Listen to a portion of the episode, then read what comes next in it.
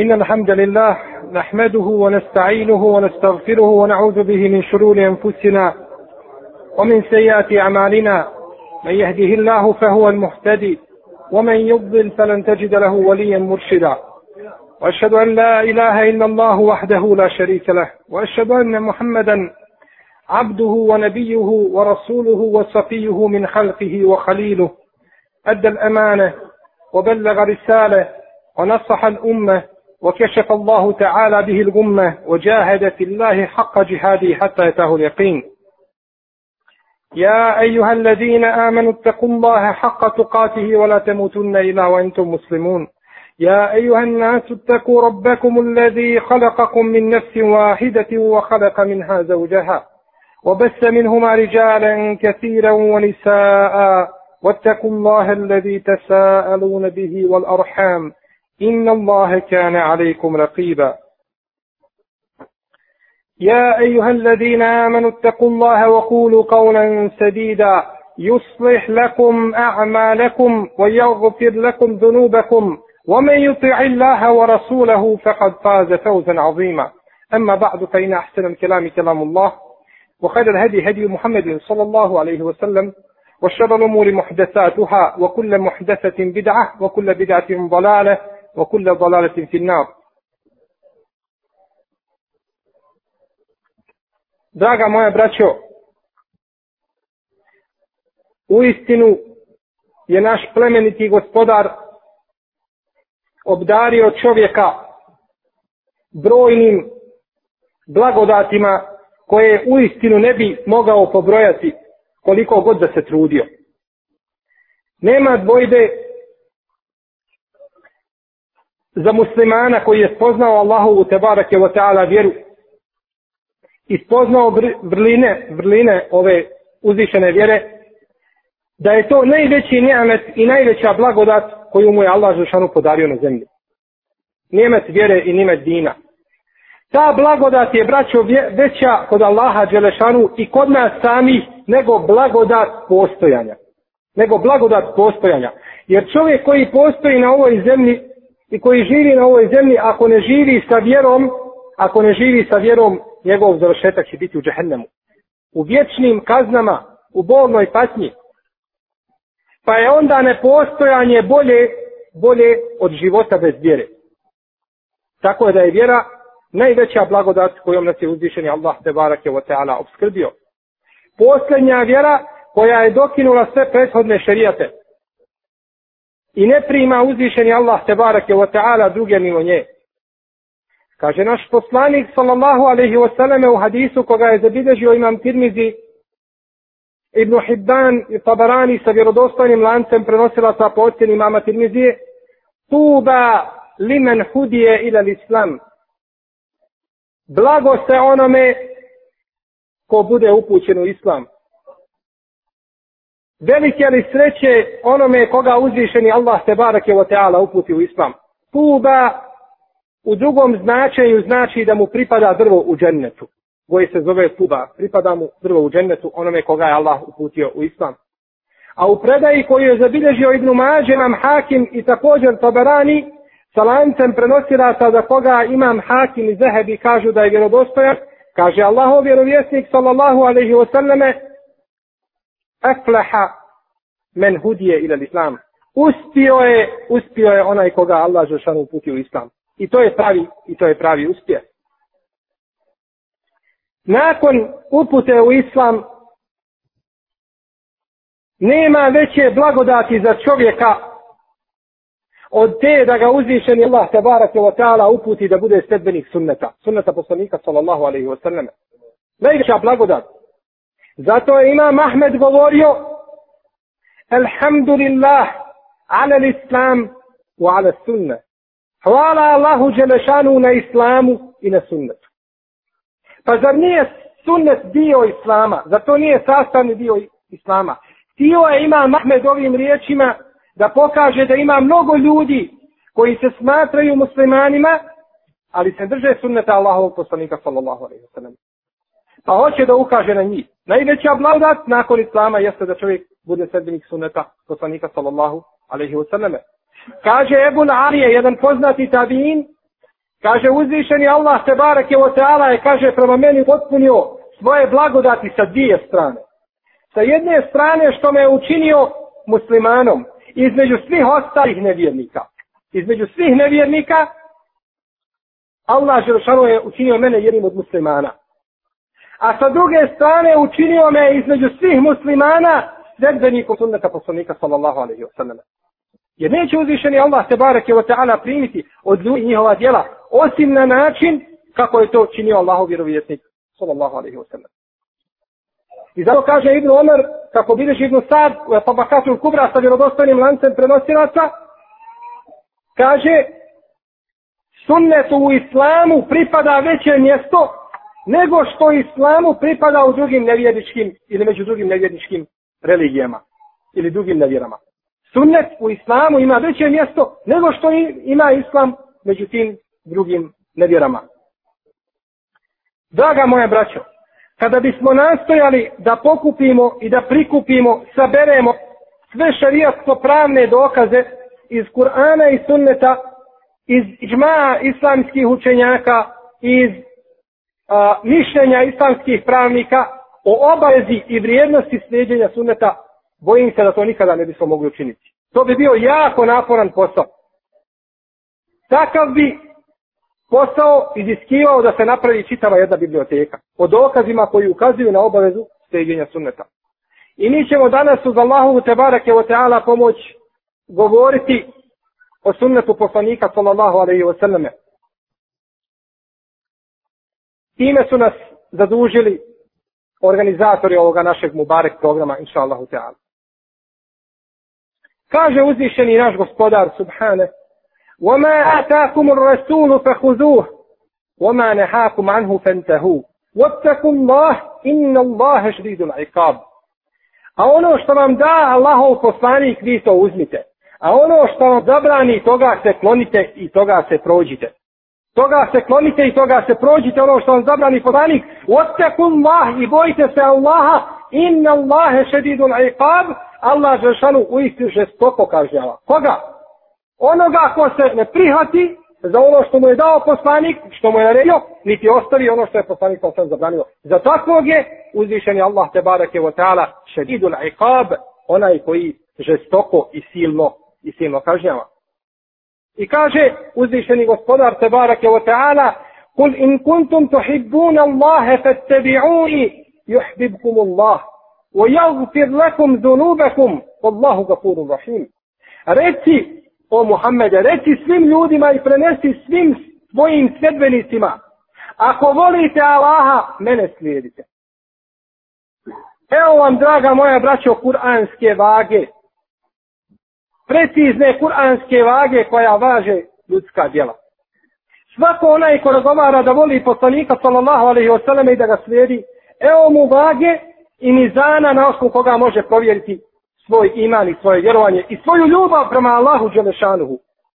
Reci ako Allaha volite, mene slijedite. Juhbibkum Allah. Allah će vas voljeti tada. Ako tako budete čini, Allah će vas voljeti. Samo to ne nikako. O jagfirakum zunubakum i Allah će vam vaše grijehe oprostiti. On će vas u džennetske vrtove i džennetska prostranstva uvesti.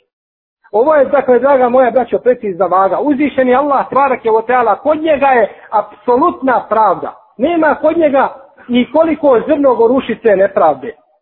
Kaže poslanik sallallahu alejhi ve selleme u jednom hadisu kada kaže Allah dželešanu čovjeku priprijeti kaznom Kaže, tada ga može kazniti, a može ga ne kazniti. Postup će uzvišen je Allah kako hoće. Ali kad mu obeća nešto da će mu dati, onda će mu to sigurno dati. Allah kad obeća da će nešto dati, to će sigurno dati. A kad kaže da će te kazniti, onda će te može kazniti, možda i neće. I te milosti gospodara se barek je o teala. Hak i istina, pravda. To je na dunjaluku za ljude, tako na hiretu. Kaže Allah se barek je o teala, u al-vozbu jaume izinil haqqa. A toga dana istina, I vaga biće, vaga biće na istini postavljena. Toga dana, kada se ljudska dijela budu vagala, biće vaga na istini i uzvišeni, postavljena jel, i uzvišeni Allah se barak je ta'ala, neće nikome nepravdu učiniti. Draga moja braćo, Allahov poslanik sallallahu alaihi wa sallam je počašćen svetom. I neka niko ne pomisli da je sunnet Allahov poslanik govorio tek tako od sebe sunnet je objava od Allaha te barake wa ta'ala. Kao što je Kur'an objava, tako je i sunnet objava od Allaha te barake wa ta'ala. Objavljivano poslaniku, nije on govorio po svome nahođenju. وَمَا يَنْتِقُ عَنِ الْحَوَا إِنْ هُوَ إِلَّا وَحْيٌ يُوحَا I on ne govori po hiru svome i po prostorima i nahođenjima svojim, to je znatna ovaj objava koja mu se obzanjuje od njegovog gospodara se barake o I kaže uzvišeni, وأنزلنا إليك الذكر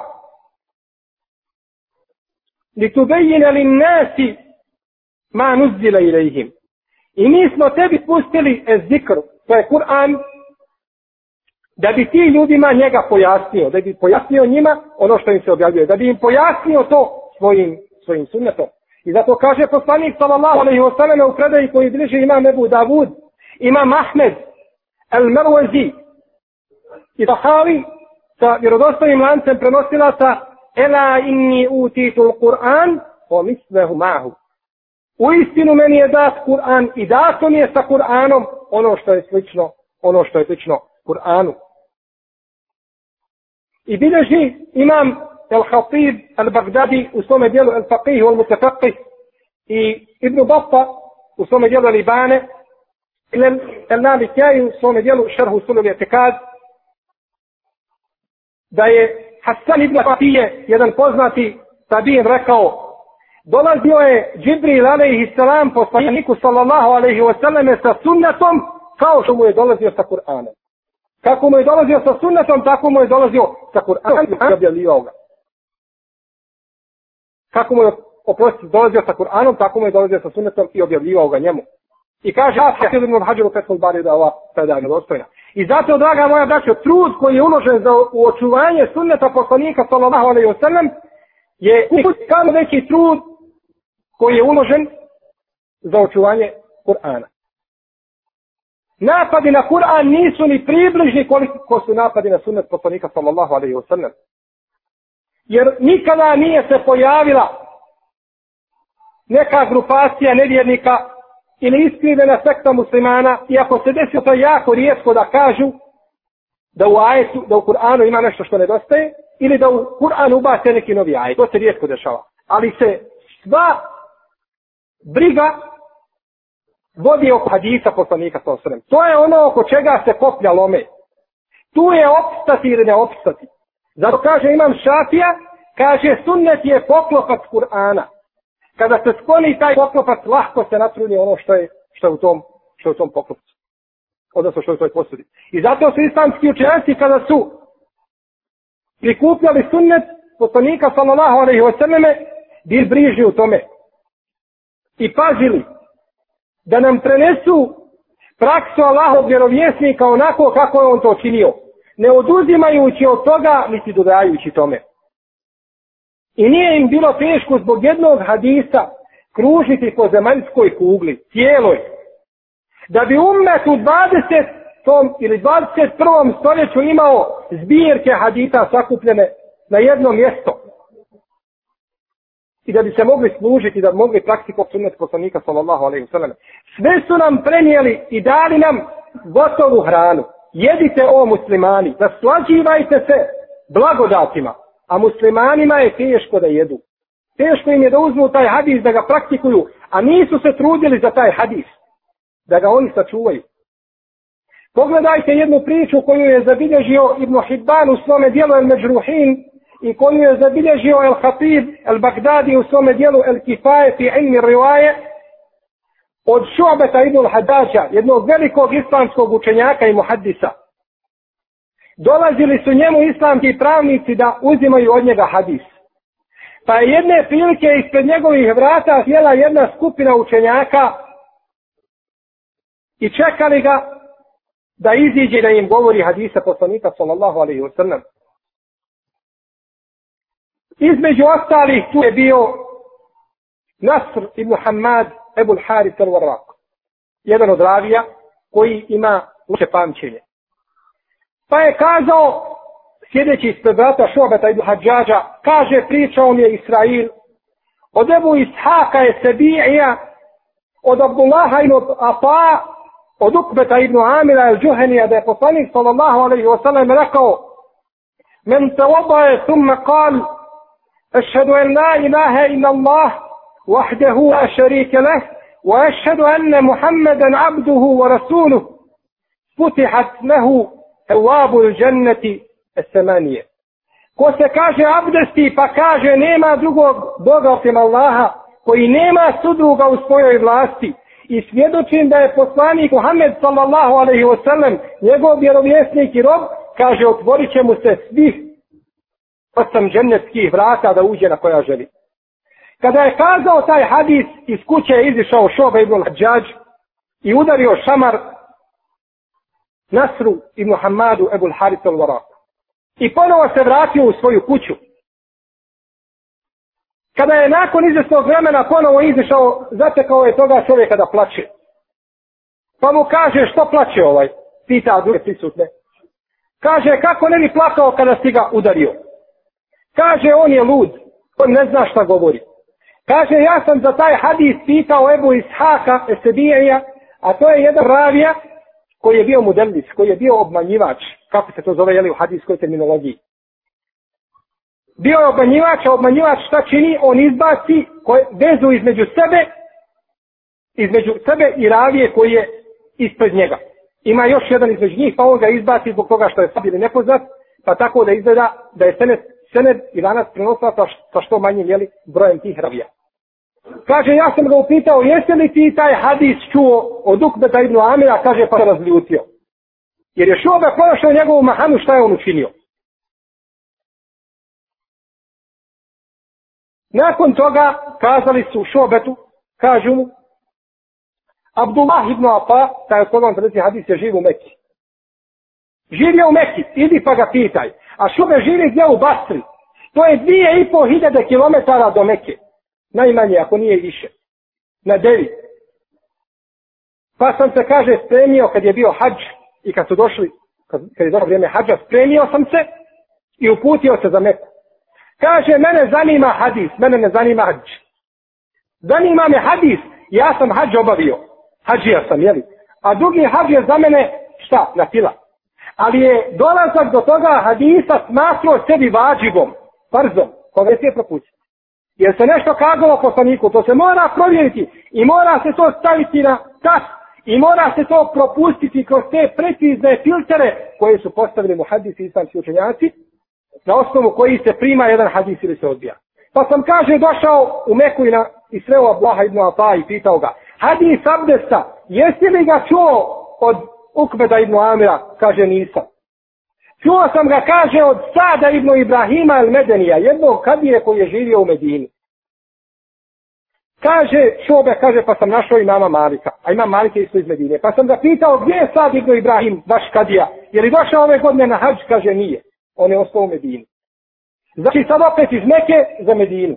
Kaže, kad sam završio hađske obrede, vratio sam se iz Meke i putio sam za Medinu. Kad sam u Medinu, našao sam sada Ibn Ibrahima, I upitao sam ga, hadis abdesta, jesi li ga čuo? Od ukbeta ibn Amina, kaže, nisam. Čuo sam ga od zijada ibn Mihraqa el Basrija. Opet u Basru. On je došao iz Basre za Meku, pa iz Meke za Medinu, pa će opet iz Medine za Basru. Kaže šobe, hadis jedan put iz Meke je došao, jedan put iz Basre, jedan put iz Medine. Kaže, nema ništa tog hadisa. Ne vredi to ničemu. Pa sam se, kaže, vratio u Basru. Pa sam došao kod Zijada Ibn Mihraka. Pa sam mu rekao, hadis abdesta, od koga si ga čuo? Kaže, up, kakav si mi došao? Kaže, idi, kaže, pa se okupaj i dotiraj se. Bio je čovjek prljav od puta. Kaže, sredi se pa mi dođi, pa ću ti ja pričati hadis. Jer tako su radne mu hadisi ima Malik, kada bi mu neko došao i pitao, hoćeš li petvu? Kaže, neću, hoću hadise, kaže, onda sačekaj. Pa bi ošao, pa se abdestio, pa pričao hadise, poslanika Sala a on pod taharetom i pod abdestom. Ne bi to činio bez abdesta.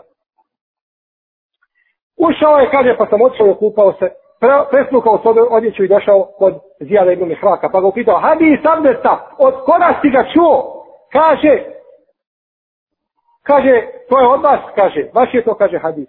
To je, kaže, čuo sam ga u šahra ibn Haušeba. A kaže, šehr ibn Haušeb ga je čuo od Ebu Rejhane, Abdullaha ibn Atara, al-Baslija. Vidite hadis koga su spomenuli. Četiri, la, četiri ravije fale u ome hadisu koga su naveli. Četiri ravije nedostaju. Nedostaje prvo Sad ibn Ibrahim al-Medeni onaj Kadija. Pa nedostaje Zijad ibn Mihraq. Pa nedostaje Šehr ibn Haušeb. Pa nedostaje Ebu Rejhane Abdullah ibn Matar. Četiri nedostaju. Kaže ovaj ravija Šobe ibn Hadžad. Kaže nema od tog hadisa ništa. Ne vrijedi taj hadis. كاجي والذي نفسي بيده لو صح هذا الحديث لكان أحب إلي من آلي ومالي A kaže, tako mi onda u čijoj ruci moja duša, da je ovaj hadis vjerodostojan, kaže, bio bi mi draži, kaže, od moga i mjetka i moje porodice. Od moga i mjetka i moje porodice da je sahi i da je vjerodostojan. A znajte, draga moja braća, da je taj hadis vjerodostojan. Došao je putem Omera radijallahu anhu, nije putem Ukbeda ibn Amir al-đuhenija, neko putem Omara ibn al-Hattaba, al-Faruka, došao je vjerodostavni lance prosveta koga bilježi ima muslim u svojoj sahiju. Yes. E sad pogledajmo mi sebe. Je li taj hadis nama draži od naše dimetka i od naših porodica? Jeste, inša Allah. Ja.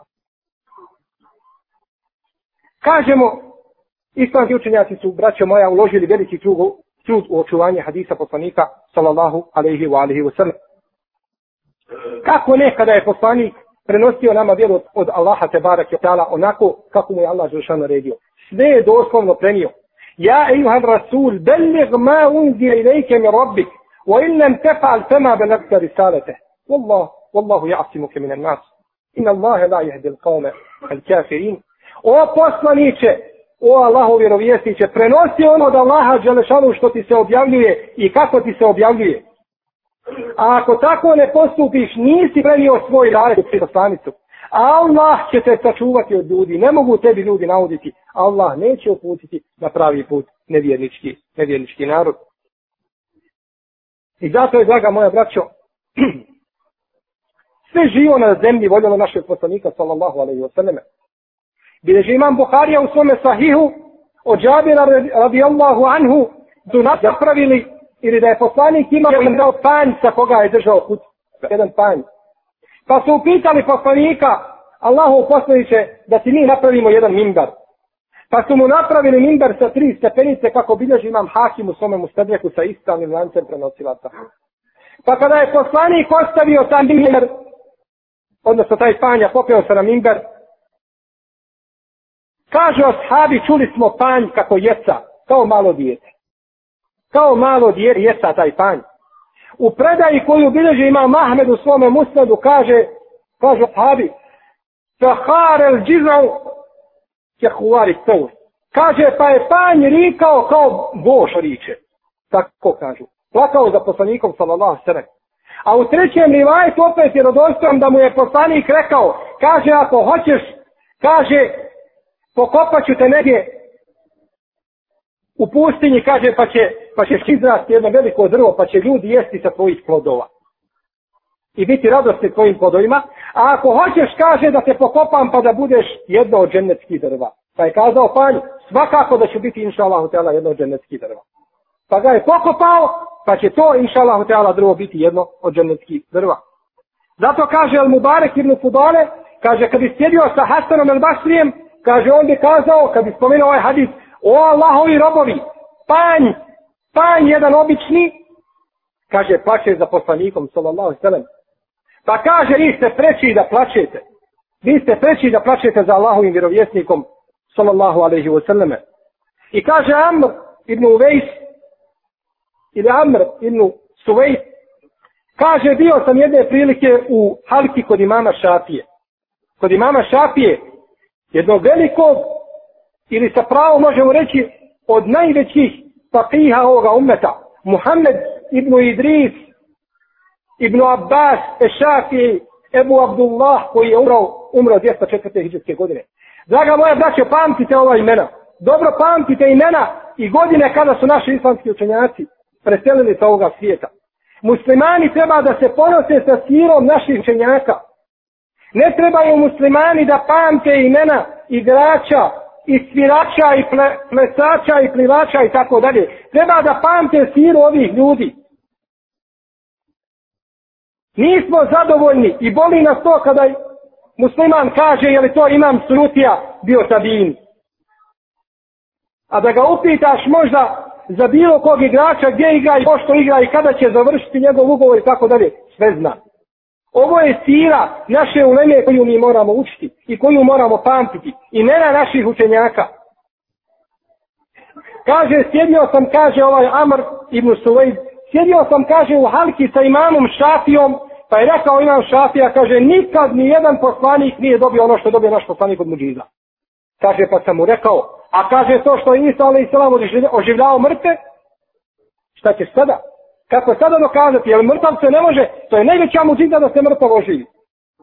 A pogledajte kako islamski učenjaci odgovaraju svjetlom koji, koga je njima Allah Želšanu dao, svjetlom.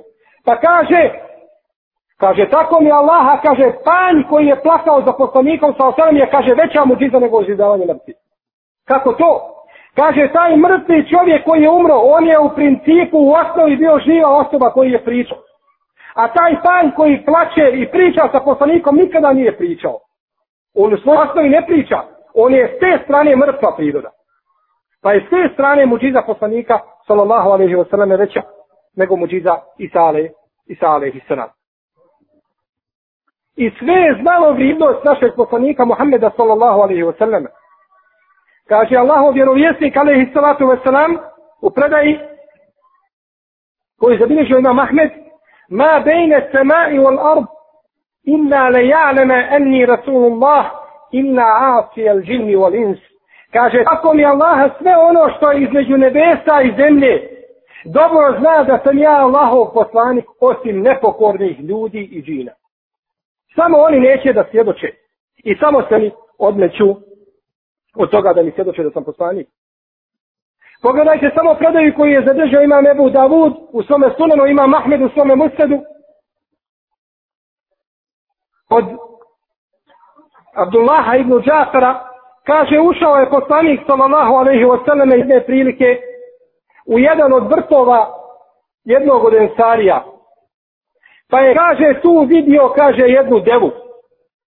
Kaže, kada je ugledao tu devu i kada je deva ugledala poslanika, sallallahu alaihi wa sallam, kaže, njene su se oči napunile suzama. I počela je plakati. Počela je plakati. Kaže Ibnu Kestir u svome dijelu, jer bi dajemo nihaje da je ovaj hadis mutevacir. Počela je deva plakati pred poslanikom, sallallahu alaihi wa sallam, pa je poslanik upitao, čija je ovo deva? Pa je jedan dječak, momak od Ensarija, rekao, to je moja deva. Pa je kazao, Eta la tetteqi Allah fi hadihi l-behime, Allati mellekeke Allahu ijaha. Fa innehu, ej, el džemel, Šeka ilije enneke tuđi'uhu o tutibuhu. Kaže, zar se ne bojiš Allaha Đelešanuhu zbog ove životinje koju ti Allah dao i tebi je podčinio? Ona mi se žali i kaže da je ti patiš glađu i da je mučiš sa napornim radovima. Deva se obraća poslaniku sallallahu alaihi wa sallam. Deva je ta koja zna da je poslanik alaihi sallatu wa sallam poslan kao milost svjetovima. Oma arselnake illa rahmeren lil alamin. Poslali smo te ni za što drugo, ništa nego samo kao milost tim svjetovima. Ljudskim, džinskim, svemu živom što je na zemlji. Što se misli i što se ne miče je bio poslanik milost. Svemu živom. U predaji koji obilježi Imam El Bezar i Ahmed dobrim lancem prenosilaca, kaže se da je jedan put skupina Ensarija došla kod poslanika sallallahu alaihi sallam i kazala O Allahov poslanića imamo devu.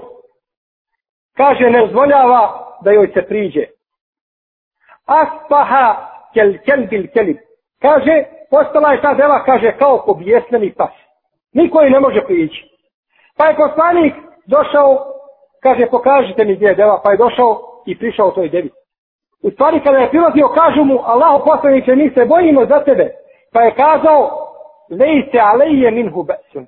Kaže, ne bojte se, kaže, neće ona meni naškoditi. Kada je prišao poslanik, sallallahu alaihi wa sallam, je kao devi, na srždu mu je pa. Deva na srždu pala poslaniku, sallallahu alaihi wa sallam, pa je poslanik stavio na nju tu rad opremu i kazao je, nikad više nećete sa njom imati problema. Pa je ušla u rad, i ponovo radila i napajala jetinje. Kažu vas, sabi Allah će devati na seždu pada, pa mi smo preći da ti seždu činimo. Kaže, ne, nikako.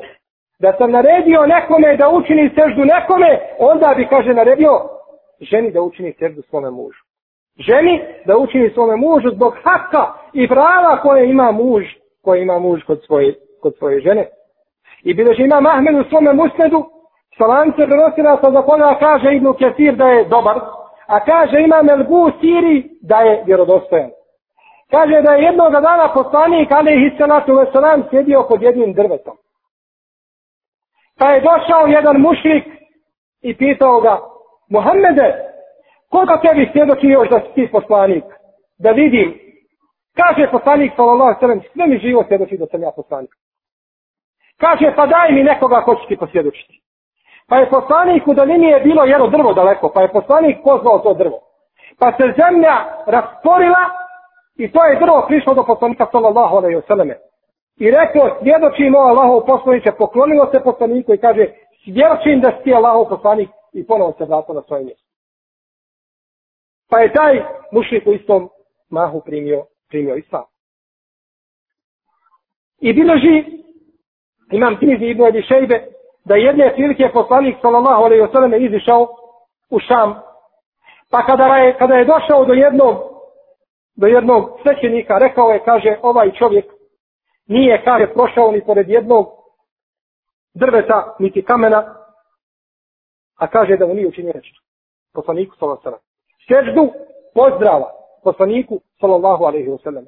Jeste draga moja braćo. Ovo je sira i ovo je taj poslanik koga se danas nažalost, i na veliku žalost, stidi jedan dio muslimana. Stide se poslanika sallallahu alaihi wasallam. I treba da se stide. U pravu treba da se stide. Ali treba da se stide zbog svoga stida. Zbog svoga stida treba i zbog toga da se stide. Kako da se stide čovjeka kome nevjernici svjedoče, današnji nevjernici kroz istoriju, svjedoče mu nevjernici da je to bio najveći reformator i čovjek koji je bio najljepšeg ahlaka i najljepšeg, ponaš, najljepšeg ponašanja i da je on najveći broj ljudi uveo u svoju vjeru za najkraće vrijeme na najljepši, na najljepši mogući, najljepši mogući način. Zato je, draga moja braćo, pravi sretnik onaj ko uđe u džene sa poslanikom sallallahu alaihi wa sallam i njegovim ashabima.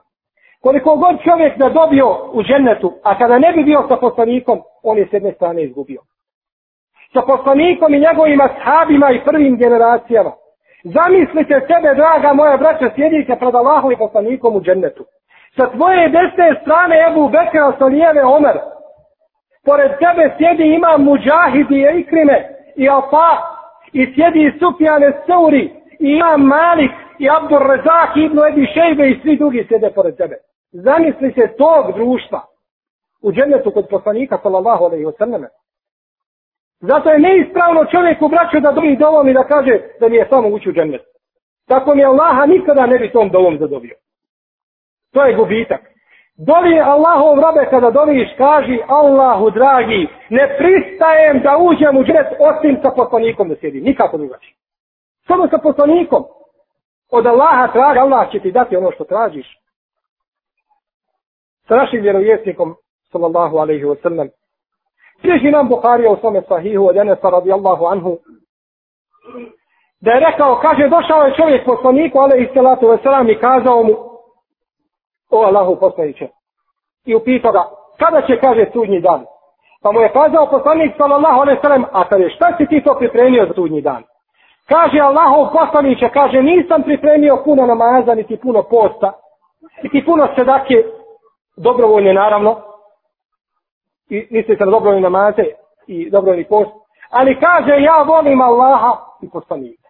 Volim Allaha i poslanika. Pa kaže poslanik sallallahu alaihi wa sallam, kaže, ti si sa onim koga voliš. Biće sa onim koga voliš. Kaže, ene, tako mi je Allaha. Kaže, ni, ničem se nisam više ordo što ome čovjek. Što je to pitao.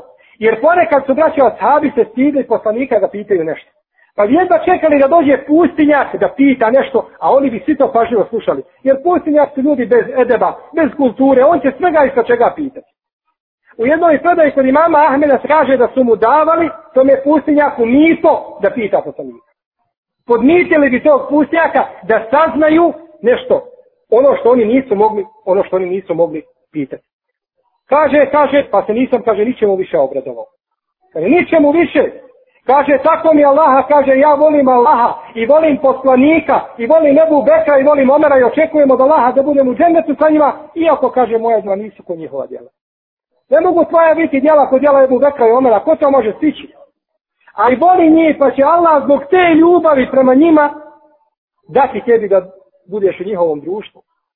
I sjetite se onoga čovjeka u hadisu koga je zabilježio imam Buharija u svome sahihu, Jedan je čovjek pio alkohol, pa su ga bićevali. Pa je ponovo bio, pio, pa su ga bićevali tako par puta.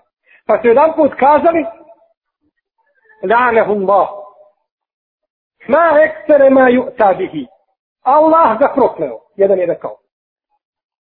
Kaže, koliko samo puta pije vino i koliko puta biva bićevan. Pa je kazao poslanik, La te lanu. Fe ulezi nefsi bijedi. Ma alimtu illa ennehu juhibu Allaho wa rasulah.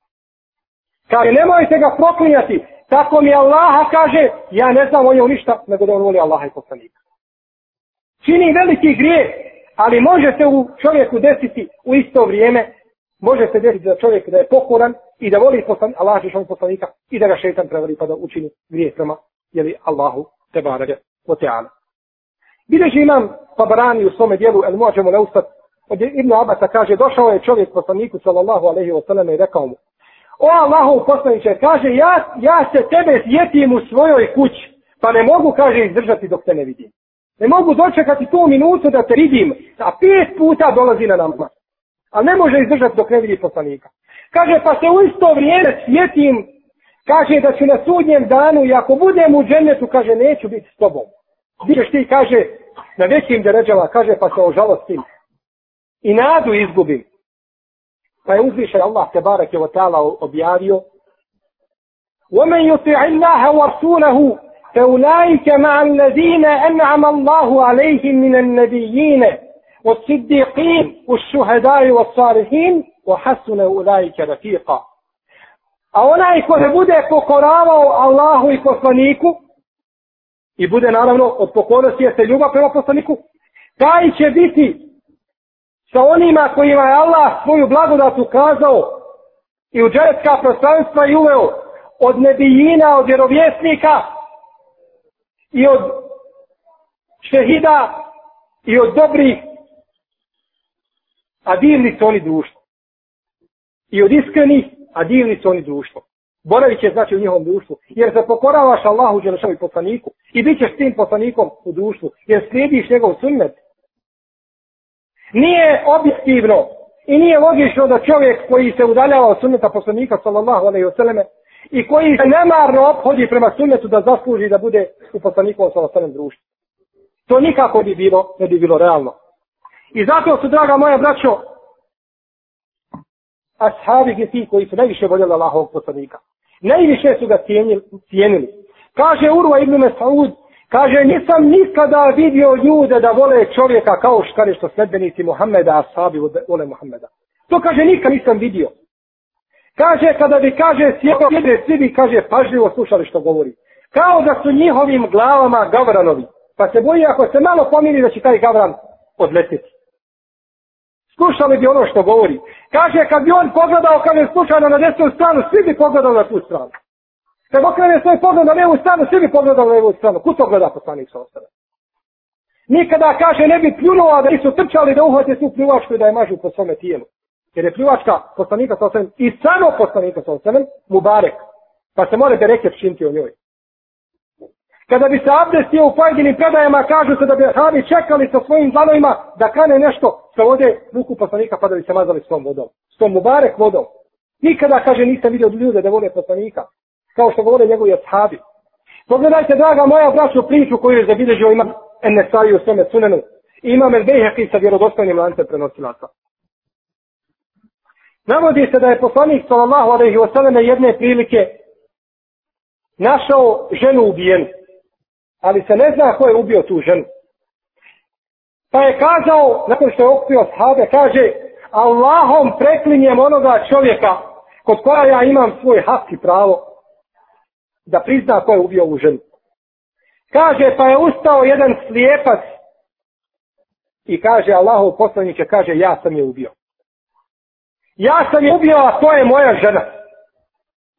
Kaže, ja sam je pozivao u islam, ona nije htjela da prihati islam, već je, kaže, tebe non stop vrijeđala. Non stop o tebi ružno govorila. Kaže, pa sam jedne večeri spomenuo tebe problu, kaže, pa je spomenuo tebe pološ, pološen. Kaže, pa sam uzeo, uzeo nož i ubio je. A slijepa je bio. A kaže Allahu poslaniće, tako mi Allaha, kaže, ja imam dva sina od nje kao dva bisera. Dva sina od nje imam kao dva bisera, ali ona tebe vrijeđa, Allahu poslaniće, i zbog toga sam je ubio. Nije se razmišljao šta će biti sa mojom djecom, koja će me prihvatiti nakon toga, ko će ih odgajati, ko će im majka biti. Nego je odma ubio, na istom, u istog momenta. To je ljubav prema poslaniku. Najdrže bit će ti je poslanik. Kada mi neko uvrijedio tvoga oca ili tvoju majku, bio bi spreman, Allah zna šta da od njega učiniš. Ali poslanik je preči. En ne biju eula bil mu'minine minen pusihim. A poslanik je preči vjernicima od njih sami. Kaže poslanik, inni mi ešhed, enne demeha hedab. Kaže, ja svjedočim da je njena krv halal. Onaj ko psuje poslanika na dunjaluku, ko psuje poslanika, nagrada takvom je da se ubija na dunjaluku. Nema mu druge kazne. Ne odmah se ubija automatski. Ko uvredi poslanika? Bi, na bilo koji način. Na bilo koji način. Pa čak bilo to i izokola. Da uvredi poslanika sa osanem, kako je volio žene i kako je koristio žene i slišao tome takav za sule, samo sablju, ništa drugo. Ne može se desiti za čovjeka za koga je Allah te barak je teala rekao da je najljepšeg ahlaka i najljepšeg ponašanja i milost ljudima da se tako o njemu govori. A tako se danas piše u islamskom svijetu. Muhammed, veliki ljubavnik. Veliki naslov u novinama. I to se prešuti. Kada spriča protiv šija ili protiv zabludnjenih sekti i kažu nemojte, kaže, zbog našeg jedinstva, nemojte dirati u njih. Pa gdje je jedinstvo naše kad se dira poslanik sallallahu alaihi sallam? Ko to reaguje? I kome to smeta? Jeste, kažu, zaslužit će oni kod Allaha i dobit će oni kod Allaha kaznu. Jeste kod Allaha, ali takvi trebaju prvo da se kazne na dunjaluku. Da Allah nas ne bi kaznio zbog toga što ne kažnjavamo, što kažnjavamo te i takve. Prenosi se od Bilala i Nebi Rabaha, mujetina Allahovog poslanika, da je kaže na smrtnoj posteli njegova žena vikala Wa hazna, wa kerda. O žalosti moja, o dugo moja. A Bilal u posteli smrtnoj pred samrt. A Bilal riče, ja farha, o srećo moja. O srećo moja, gaden nelka lehibbe. Muhabbe, Muhammeder o sahbe kaže, sutra ćemo, kaže, sresti naše najdraže poslanika, sallallahu alaihi wasallam, i njegove, i njegove ashabe. Vidimo, draga moja braća, kako su oni voli poslanika i kako su očekivali susret sa poslanikom. Prenosi se od imama Malika da je svake večeri vidio poslanika sa osrem u srstvu. Svake večeri. I dan i noć je bio vezan za sunet poslanika. Pa ga Allah počasti svako veće bude u društvu Allahovog poslanika u svojim, u svojim stojima. A ko, voli, ko vidi poslanika sallallahu sallam u svojim stojima, na način kako je on opisan, onda je to poslanik sallallahu i ne može šeitan jeli, tu prići, nema udjela, nema udjela u tim stojima. I kaže također Enes ibn Malik, tako mi Allaha kaže, nema ni jedne večeri. Prvo je bio Malik ibn Enes, jeli, imam u Medini, pa ih poznati, koji je umro 179. iđeske godine, a ovdje govori uh, Enes ibn Malik, njegov sluga. Kaže, tako mi je, aha, kaže, nema jedne večere da ne vidim poslanika sa osam usnu. Svake večeri. Deset godina je služio od poslanika. Deset godina. Zamislite, draga moja braća, da kršćani ili židovi imaju i da znaju ime čovjeka koji je služio Musa ili Isa mjesec dana ili godinu. Dib, digli bi ga na najveće stepene, Allah zna koje bi mu dereže dali. A mi imamo ashaba koji je deset godina služio poslanika. Šta kaže za sebe? Kaže, tako mi Allaha nikad ni poslanik nije rekao zašto si uradio ili zašto nisi uradio. Nikada, nikad u deset godina. Slugi. Pa ako čovjek ne kaže slugi zašto si učinio ili zašto nisi učinio, pa ne treba znači to čovjek ni da kaže svojoj ženi također. Isto tako, jer je sluga preči da se ukoji. I sluga je preči da ovaj kaznu trpi od žene. Pa znači ne bi onda čovjek trebao da koristi, znači, da takve stvari svoju ženu. Kaže, deset godina sam služio poslanika, nikada mi nije rekao zbog čega si učinio, a zbog čega nisi učinio. Kaže, šeš koli sam Ibnu Tejmije, kaže, kada bi išao na hađ, poslanik sam kada bi jahao na devi, kaže da bi posla, da bi Enes, kaže, bio ispod deve, tako da bi se pljuvačka deve slijevala niz Enesova radijallahu ta'ala anhu leđe. U non stop je bio uz Allahovog poslanika, sallallahu alaihi wa alaihi wa sallam. I oni su, draga moja braćo, bili, znači ljudi i generacija, koji su najveći pažnju, najveću ljubav iskazivali prema poslaniku, sallallahu alaihi wasallam. Branili njegov sunet. Kaže, ima malik, kako navodi imam šafibi u svome dijelu al muafakat. Poslušajte, draga moja braćo, dobro ovu predaju. Dobro je, poslušajte i zapamtite ovu predaju. Kazao je, ima malik. Ima malik ibn Enes. Kazao je ove riječi, i ostaju one kao temelj svakome onome ko hoće da uprlja Allahu u Đelešanu djelu. Kaže Enes, kaže Malik ibn Enes, ko kaže, rekne da je poslanik, u stvari da ima u vjeri neka stvar koja je lijepa, novotarija koja je lijepa i koja se može praktikovati, kaže, taj je potvorio poslanika da je pronevjerio poslanik. Ko kaže da ima u vjeri novotarija, ona lijepa, da se može praktikovati, kaže taj je potvorio poslanika da je pronevjerio poslanicu Risale. Zašto? Kaže, zar nije Allah žanu kazao, el jeume ekmentu lekum dinekom, danas sam ja vama vašu vjeru potpunio. Vjera potpuna. Znači, nema ništa da, što treba dodati, niti ima nešto što treba uzeti. Malem jekun jeume idin dinen, fela jekunu dinen ila jeumi din. Kaže imam malik. Kaže, šta u ono vrijeme nije bila vjera? Kaže, tako mi Allaha neće biti vjera sve do sudnjeg dana. Šta nije bila braćo vjera u vrijeme poslanika i ashaba? To nikad više ne može biti vjera dok Allah ne napravi zemlju i ono što ne zemlju. Nikad. Mi ne možemo, draga moja braćo, vjeru i din razumijeti, nego kako je to razumio samo? Kako su razumijela ashabi? Kogud razumije Kur'an, ima onoga što ga je razumio Ebu Bekr i Omer i Osman i Alija, i Talha i drugi ashabi, takav je u zabludi. To je nemoguće. Mi ne govorimo ovdje o pojedinim fikskim pitanjima i stvarima koja se pojavila u naše stvarima koje se pojavila u naše vrijeme, pa nemamo za njih šerijatsko pravnog argumenta, nego se radi o džihadu, ne to. Razumijevanje akajda i praktikovanje, ne možeš praktikovati namaz i ganjati namaz nego kako se to čini na sabi. Sve mimo toga je kod Allaha za žalu neprimjeno. Jer su oni kanjali kako je poslani kanjali. Samo to Allah Žešanu prima ništa, ništa mimo, ništa mimo toga. Prenosi imam Ebu Nuaymu El Hilije, da jedne prilike jedan čovjek pred imamom Šafijom spomenuo i rekao, kaže, o imamu, kaže, kaže poslanik sallallahu alaihi sallam tako i tako u jednom hadisu. Kaže, a šta ti misliš? Pa kaže da se imam Šafija sav zajakurio i zacrvenio i kaže, ukorio ga, Kaže, pitaš me i kažeš da je poslanik rekao i onda mene pitaš šta ja mislim. Jel vidiš, kaže, da sam ja sebi zunaru, kršćanu opasu, krst na vrat stavio? Kako možeš kazati, kaže poslanik i da pitaš mene šta ja kažem? Zar, zar ja mogu reći mimo onoga što je rekao poslanik? Nemam pravo da to kaže.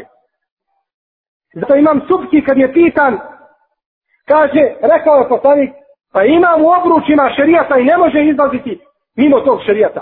I šerijat vlada imamom i fakihom i mučtehidom, a ne vladaju oni, ne vladaju oni sa šerijatom. Jeste, draga moja braćo, branili sunet poslanika sa osam i čuvali ga. Bili najžešći u praktikovanju suneta, u velikom i malom. Nisu razlike pravili između džihada i misfaka i dobročinstva prema roditeljima i spitanja znanja i svega. Sve ono što je vjera i sve ono što je din su uzimali. Bileže imam Abdurazak u svome musanefu da je poslanik sallallahu alaihi wa sallam jedne prilike boravio u džami. A nekoliko ashaba je stojalo. Pa je kazao sjednite. U tom momentu je jedan čovjek prolazio pored džamije pa je čuo kad je poslanika kad je rekao sjednite pa je odmah sjeo na polju. Nakon je bio i sjeo. Kada je poslanik nakon izdešao vremena izdešao sa ashabima, Pa vidio čovjek da sjedi i kaže, što ti Allaho robe, što sjediš? Kaže Allaho poslaniče, ti si rekao sjedni. Ja sam čuo tvoje reč sjedni. Ja ne znam ništa više nakon toga. Ja sam čuo tebe da mi ti naređuješ da ja učinim nešto. Iako nije naredba bila njemu, bila onima koji su džami. A nisam dobio od tebe dozvolu da ustane. Ja i dalje sjedim. To je, braćo, to je pokornost poslovniku sa osanem. Tako muslimani trebaju da se obhode. I kada bi se tako obhodili, sigurno bi naše stanje bilo kudi kamo drugačije ne bi bilo ovo što vidimo. Ne bi nas naše grudi tek, u našim grudima nas teklo i naša se srca kidala kad vidimo šta se radi od muslimana, a kako muslimani ne, pom ne mogu pomoći sami sebi, a kako da pomognu, a kako da pomognu drugima. Znali su, draga moja braćo, za nas ove generacije da je uspjeh u sunetu poslanika sallallahu alaihi wa sallam. Kako ne bi kada je poslanik naš sallallahu alaihi wa sallam rekao u predaji koji bliži imam el-Bejhete u šobu imanu, imam Mamar ibn Rashid u svome dijelu Al-đane, da je poslanik sa osanem rekao, kaže, ma te rektu šejem, yukarribukum min al-đenneti, o yubaidukum anin nar, illa kad dejentuhu lakum. Nije sam vam, kaže, ostavio ni jednu jedinu stvar, koja vas približava džennetu, a udaljava vas od batne da vam je nisam objasnio. De, sve što trebate, sve imate. Ovo su riječi poslanika. Pa kakva novotarija, kakva lijepa novotarija može biti u vjeri? Ko je taj nesretnik ko kaže da ima lijepa novotarija u vjeri? Poslanik sve i veliko i malo, što te približava Allahove milosti i što te udaljava od vatre. Jer braćo vjera, din, to su dvije stvari, naredbe i zabrane.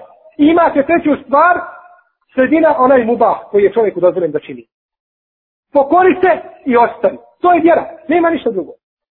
Kad Allah šanu kaže, kako kaže Ibn Mesaud, kad Allah šanu kaže, ja i uhemledine amenu, ovi, ovi, ovi koji vjerujete, kaže, dobro, kaže, pripremite svoje uši i slušajte.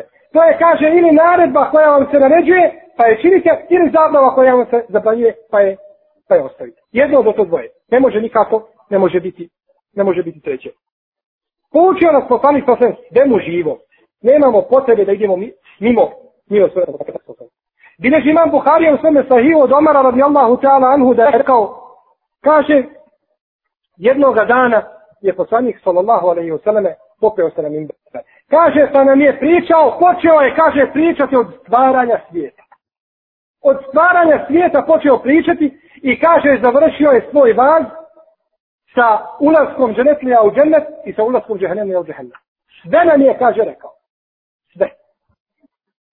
U predaj kod imama Ahmeda, kaže Ebu Izer, učio nas je naš poslanik i kaže tome znanju o pticama koje lete po zraku. Sve mu nas je poučio. Ništa nam nije ostaje da nas nije poučio. Popio bi se poslanik ujutro pa bi ashabima vazio do naveče. I sve bi im kazao. I o svemu bi ih obacirio. Draga moja braćo, kada vidimo vrijednost sunneta poslanika sallallahu alejhi ve sellem. I kada vidimo kako blago imamo u svojim rukama, kako mi Allaha da židovi ili kršćani imaju samo jednu jedinu predaju. Od Isa alejhi selam možda kako je jeo ili spavao sa lancem prenosilaca. Bojim se da bi Dunjalu sve bio ispunjen sa njihovim tim knjigama ovaj, koje je bilo besplatno i tako dalje. Samo jedan lanac prenosilaca, ništa oni nemaju. A mi imamo sve sa vjerodostojnim lancem prenosilaca sa takvim pravilima koje su postavili islamski učenjaci. Znači, jedan hadis da bi se ocijenio, nekad treba uraditi preko stotinu radnji. Preko stotinu operacija. Nema operacije na Dunjaluku koja je složna kao ocijeniti jedan hadis. Nema operacije. Transplantacija bilo kog dijela tijela, ugrađivanje, umjetne oči, šta god hoćete, ništa nije kao ocijeniti jedan hadis. Jer tu nema pravila da imate šablon po kome idete. Svaki hadis ima svoje pravo. Najpreciznija nauka za učuvanje čega sunneta poslanika, sallallahu alaihi wa sallam. Zato je na nama obaveza da pazimo na ovaj sunet i da ga prenosimo drugima i da druge poučavamo. Kaže poslanik sallallahu alaihi wa sallame u predaji koji je zabilježio imam Tirmizi, imam Ahmed, imam Al-Khatib u svome dijelu šarafu ashabil hadis i drugi sa dobrim lancem prenosilaca Nabbar Allahu imren Semi'a minni meqaleten تبلغها كما سمعها فرب مبلغ أوعى له من سامع الله تسمي ووصبي الله تسمي ووصبي koja ja čuje od mene hadis, pa prenese taj hadis onako kao što je čula ga. Na isti način.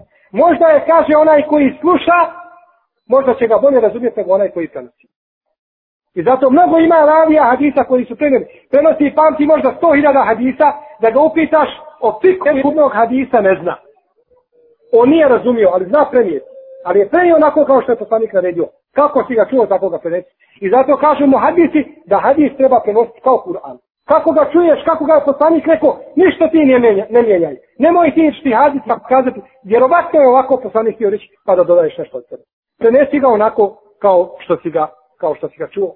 I tako su radili ashabi poslanika sa Bili brižni da slušaju poslanika bili bliži da slušaju da to prenose. Pogledajte, draga moja braća, u predaju koji bliži imam Buharija u svome sahihu. U poglavlju, jako je bitno gdje imam Buharija stavio ovo, ovo predanje. U poglavlje, ali ja ti sam u kitabi u asuntumne. U poglavlju držanja za Kur'an i za sunnet. Od Ebu Hureyre kaže, slušajte, draga moja braća, u predaju, koja je bliža nekakvoj bajci. Tako nam Allaha da nije u Buhariji nikada je ne povjerovali ali je u Buharinom sahihu i onda se tu završavaju sve priče. Kaže Ebu Hureyre, kaže tako mi Allaha bio sam u džami i poslanika sallallahu alaihi osaleme sjedio. Kaže pa bi se izvrnuo i kaže glava bi mi se moja u pjesak zabola. Kaže pa bi se ja svojim nogama odupirao i tako bi se više glava išla u pjesak. Pa bi kaže prišao jedan od ashaba i kaže svojim kaže stopalom pritisnuo moj brat. Kaže mišljajući da sam poludio misleći kaže da sam lud. Kaže, a tako mi Allaha, nisam lud, kaže, nego sam gladan. Nego sam gladan. Nemam šta jesti. Pa sam se zbog toga, pa se zbog toga tako ponašao. Ne mogu više vladati sobom. A zašto? Zato što je non stop bio uz poslanika. Zato Omer radi Allah Anju govorio, zabavila je, kaže Omera, trgovina i udaranje dlana po dlan, jeli kada se pogađa na trgovini, na pijaci, dok je, kaže Ebu Hureyre, slušao hadise poslanika, sallallahu alaihi sallam, i prenosio ih. I pogledajte koliko mi danas više puta kažemo za Ebu Hureyre, radi Allahu anu, kad prenosimo za hadise, nego Omara, nego Ebu Bekra, nego Talhe i tako dalje. A sad koji je najviše hadisa prenio od poslanika, sallallahu alaihi wa alihi wa sallam. Mi vidimo, draga moja braćo, da u današnjem vremenu da je hadis poslanika sallallahu alejhi ve selleme njegov sunnet ostavio zabilježen ostao zabilježen samo u knjigama da se toga jako malo praktikuje braćo predstoje još teža vremena nego ova vremena doći će braćo vremena kada ljudi neće poznavati sunnet danas ga poznaju ali ga ne praktikuju i to je zlo ali manje je zlo jer čovjek kada ga poznaje možda će ga početi praktikovati ali zlo je i svako zlo kad ga ne bude poznavao Bileži Ibn Abdul Bar jedan veliki islamski učenjak i malikijski pravnik, kaže u svome dijelu El Džame, Džami u Bejani la ilmi o Fadlihi, od Darađa Ibn Semana je Sehmija da je rekao, kaže, doći će ljudima, sa svakako ispravnim lancem prenosilaca, kaže, doći će ljudima vrijeme, kaže, kada će jedan od njih ugojiti svoju devu. Ugojit će svoju jahalicu, dobro je ugojiti. Kaže, pa će kružiti po zemaljskim prostranstvima da nađe jednog čovjeka da ga upita da li je nešto što čini sunnet ili nije. Pa ga kaže neće moći naći. Činiš jednu stvar. Danas uvijek se može, gdje god da živi na dnjavuku može se snaći. Ali doće vrijeme da će kružiti po zemaljskoj kugli. Ali neće moći naći čovjeka da mu kaže jeste to je sunnet ili nije sunnet. Pa će kaže god, pa ja mislim, pa ja mislim. Mislim da jeste, mislim da nije. Mogao bi biti, ne biti i tako dalje. Niko nema dokaza i argumenta da kaže to je sunet ili nije sunet. Dokaz nije jedan da nema toga. I bilo imam tirnizi i drugi od Ibnu Mesauda da je rekao, kaže poslanik sa osanem, kaže doće ljudima vrijeme kaže, kada će se dvojica razići u farzu, u jednom farzu, u jednom propisu koji je važiv. U postu, zekijatu, hađu i tako dalje. Pa će razići, pa jedan viće da je važiv, drugi viće da nije važiv. Osnovne stvari se neće znati. Ostaće kod ljudi samo la ilaha ila Allah, kako bilježi imam Ibn Mađe od Huzeyta radijallahu anhu. Ostaće ljudi na la, ništa će znati. Toliko će se kaže Islam habati, da neće ništa znati od Islama. Nestaće Islam. Pa će Allah Đeršanu uleti u lemu. Neće biti u lemu. Neće biti neće znanja. Pa će Allah Đeršanu na kraju uzeti Kur'an. Kada ljudi jednog jutra ostanu, Nema Kur'ana u prstima, nema u leme koje je naučio Kur'an. A kada otvore svoje ushafe, to sve bijele stranice. Nema ništa na njima. Bijele stranice. Nema više Kur'ana. A nema ga u prstima. Po čemu ćeš raditi? I to su najgora stvorenja sa kojima će uzvišeni Allah se barak sada da, da su prisudni dan. Kaže, poslani sa osvijem ovoj predaji, razit će se, kaže, dvojica da li neka stvar farz ili nije. Pa neće, kaže, moći naći trećeg da presudi da kaže u pravu si i nisu pravi neće poznavati osnovne vjerske propise. Onda vidite, braćo, blagodat u kojoj živimo. Kada čovjek može učiti, može saznavati, može čitati, može slušati. Allah ti je omogućio da u svojoj kući možeš slušati predavanja sa krajnjeg istoka i krajnjeg zapada. Odakle hoćeš, na kom jeziku hoćeš. Sve živo. Sve imamo. Ali Allah zna šta se dešava, šta se dešava sa nama gubit ćete sunet, draga moja braća, gubit ćete sunet poslanika sa osrem. To je počelo u vrijeme ashaba, nije to nama ništa novo. To je počelo u vrijeme ashaba. Kaže imame Zuhri, ibn Šehabe Zuhri, jedan poznati islamski učenjak i muhadis koji je bio od šehova imama Malika i za njega se kaže da on bio jedna medresa. Sam je bio jedna medresa i škola. Kaže, ušao sam, kaže, u jednu od džanija u Šamu. Kaže, pa sam našao Enesa ibn Malika da sjeji i plaće. Enes ibn Malik plaće. Kaže, pa sam ga upitao, o, ashabu Allahovog poslanika, zbog čega plaćeš? Kaže, plaćem zbog sunneta.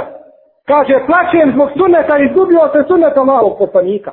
U vrijeme Enesa ibn Malika. On je jedan od posljednjih ashaba sa Amir ibn Sufejlom, a, koji je umro jeli, od poslanika ashaba. Jedan od posljednjih. Kaže, plaćem za sunnetom, izgubio se sunnet. Kaže, pa kako se izgubio? Šta se izgubilo sunneta? Kaže, gubi se sunnet. Kaže, mi smo, kaže, u vrijeme poslanika, kada smo bili u namazu, kaže, jedan od nas bi, kaže, pritisnuo svoje rame uz rame svoga brata. I kone uz koljeno svoga brata i stopalo u stopalo svoga brata. Tako bi se u namazu. Ono što danas se muslimanova non stop potencira. A oni čuju, a izgleda da ne čuju. Ne zanimaju. Kaže, tako bismo stajali kaže tako mi Allaha u predaji kod Ebu Jale, kaže da neki od nas danas tako uradi čovjeku pored sebe, vidio bi ga, kaže, u sapu kao u znemirenu mazgu. Kako bi ga vidio u sapu? Kao u znemirenu mazgu. Zbog čega ti pritišćeš svoju nogu s moju? To je vrijeme, bilo vrijeme tabina. Pa šta kazati za naše vrijeme u, koje, u, kome, u, kome, u kome mi živimo?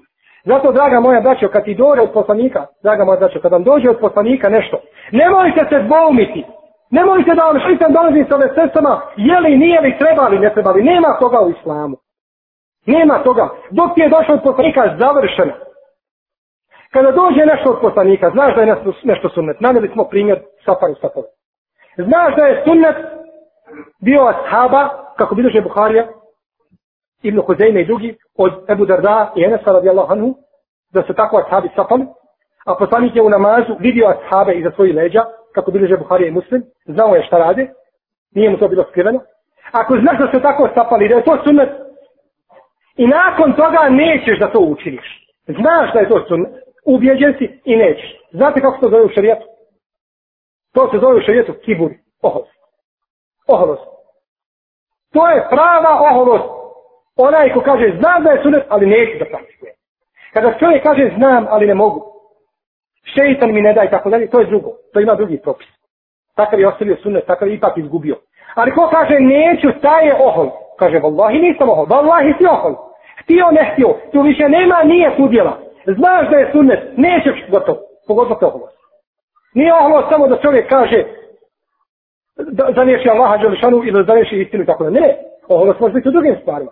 Jer je oholost, kako kaže poslanik sallallahu alaihi sallam, batrun haq o gantun nas. Zapravo hak odbijanje i neprihatanje iste. Neće da prihatanje iste. Šta je djelo, kažeš, znam da je sunnet, pa neš da radiš. Što je još gore? Znaš, a nećeš. E, zato ti je i takva kazna, da si ohol. Da si, jeli, ohol. A oholnicima, braćo, i koji ne praktikuju sunnet i koji se smijali sa sunnetom poslanika, sa osvijem prihoda, pripada bolna kazna. Na dunjalu i na hiretu. Neće tako biti usrećen. Pa vidjeti, vidjet ćete čovjeka koji možda je nekad sunetlija i drži sa sunneta ili se nikad nije držao, ali se ismijava sa sunnetom, vidjet, vidjet ćete ga kao nesmirenu ličnost. Kao da je u njemu stotinu šeitana.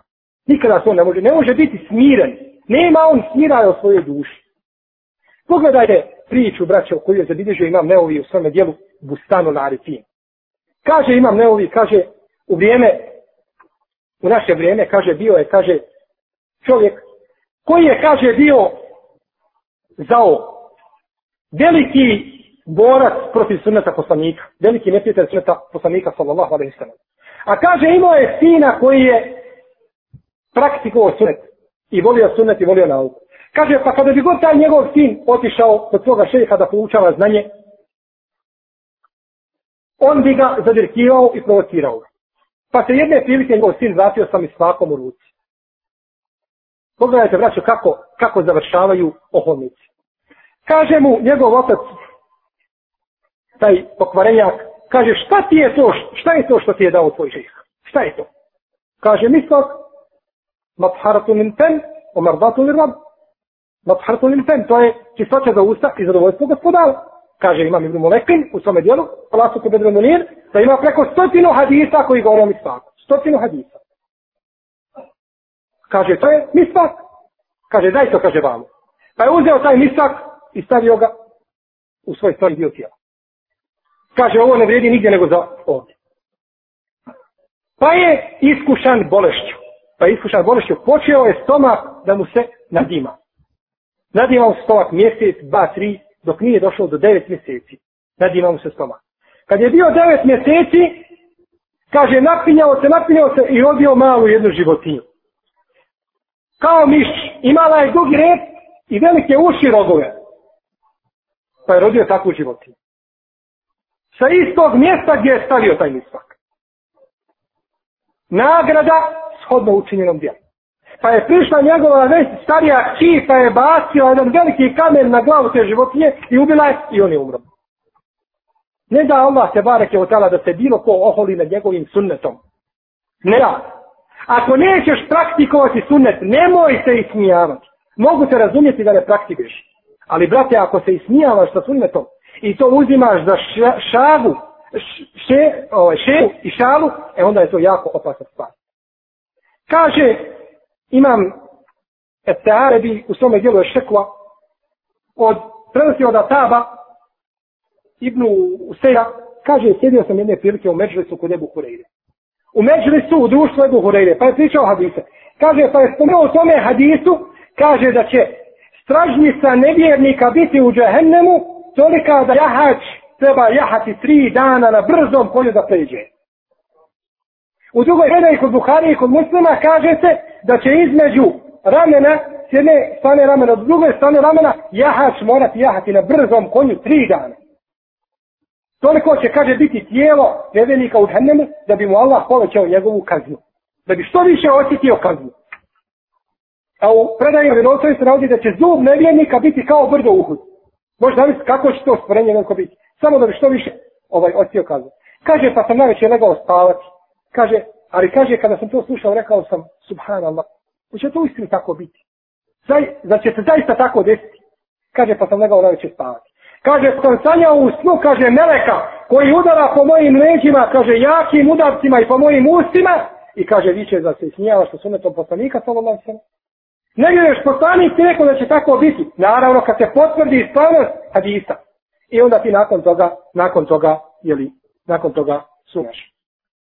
Vidimo, draga moja braćo, da je opasna stvar sumnjati ovaj u hadis poslanika sa svojim, a naročito i se sa tim hadisima. Nakon ovoga, cijenjena moja braćo, možemo rezimirati da je i konstatovati ono što su konstatovali oni prije nas da je nama sunet poslanika sa sam, sam prenešen do nas. Ispravno, sačuvan do nas došao. Vidimo da danas u našem vremenu ima mnogo daija, ima mnogo uleme, ima onih koji govore i koji pozivaju istinu. No međutim, sa druge strane vidimo da nema promjene, da su promjene ovaj neznatne u odnosu na trud koji se ulažu. Vjero, vjerovatno ćete se zapitati gdje je problem onda.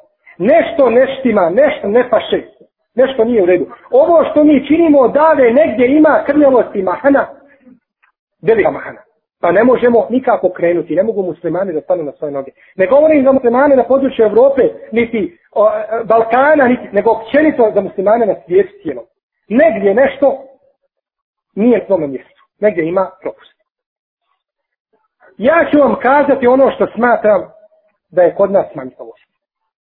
Smatram, braćo, da kod nas jedna jedina stvar manjka.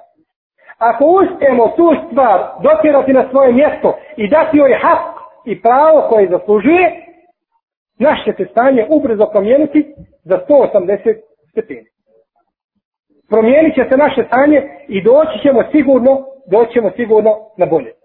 Neće znači biti ovaj stanje muslima kako jeste. I zamolio bi svakog brata da razmisli o tome. Jedina naša mana i naš propust koji činimo, a koji ne bismo se činiti, i koji ako budemo činili, vratit će nam se naš ponos, jeste praktična primjena islama. To ne pari. Ništa drugo. Praktična primjena islama, ništa drugo. Čuo si i praktikuje. Jer islam je braća vjera koja je živa živa i hoće, hoće praksu. Hoće da muslimani priđu i da praktikuju islam. Kada ti kaže poslanik sallallahu alaihi wasallam da ti je bolje biti u službi svome bratu, svome bratu, jedan kratak period, nego mjesec dana da boraviš u poslaniku i džamiju i ti Hadis poslanika sallallahu alaihi wasallam koga bilježi vam tabaran. Bolje je čovjeku da ide u službi svome bratu, bratu za jednu sitnicu da obavi za svoga brata da mu pomogne, nego mjesec dana da boli u sićahu u poslanikoj džami. U redu. Šta sad treba ovdje? Treba hadis zapamtiti i samo to treba ga praktikovati. Trebaš pomoći svom bratu. Kad ti poslanik kaže da je tvoj osmijeh svome bratu lice sadaka, trebaš samo to praktikovati. Kad ti poslanik kaže da su najbolji od vas oni koji su najbolji prema svojim ženama, trebaš to praktikovati. Što znači da ne treba žena ovaj da osjeća težinu tvoje ruke i da ne treba žena da nosi umjetne zube i sveš o tome. Nego treba znači da se ponašaš prema svojoj ženi, kako kaže poslanik, najbolji od vas su koji su najbolji prema svojim ženama. Hoži ti najbolji, a upitaj svoju ženu od sebe, da Bog sačuva. Ne možeš biti nikako najbolji. Jer to je, ovo je din i ovo je vjera, braćo. Sve, je, sve je prenešeno i sve je došlo do nas. Samo treba šta? Da praktikujemo. Ništa više od toga. Draga moja braćo, o smrti sa poslanika sa osanem može govoriti, ne kažem, nekoliko predavanja, niti desetine predavanja. Tako mi Allah može se govoriti cijelog života. Cijelog života kad bi čovjek govorio o sunnetu poslanika, nikada ne bi ovaj, pretušilo to. I što je čudno, što god više govoriš o sunnetu, više se to nekako otvara. I svega toga više ima.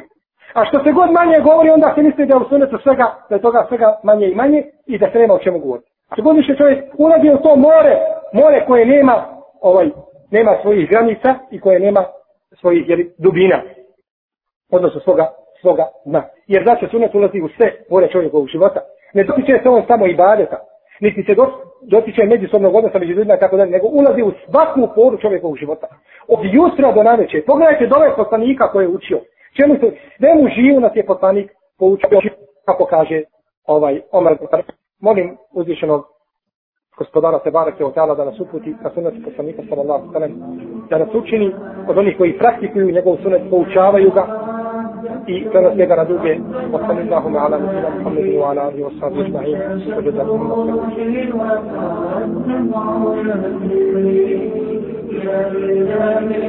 wa sallam wa sallam اشراق الله الحمد لله والصلاة والسلام على نبينا محمد وعلى آله وصحبه أجمعين براتي زاشي بوستر يو بيتاني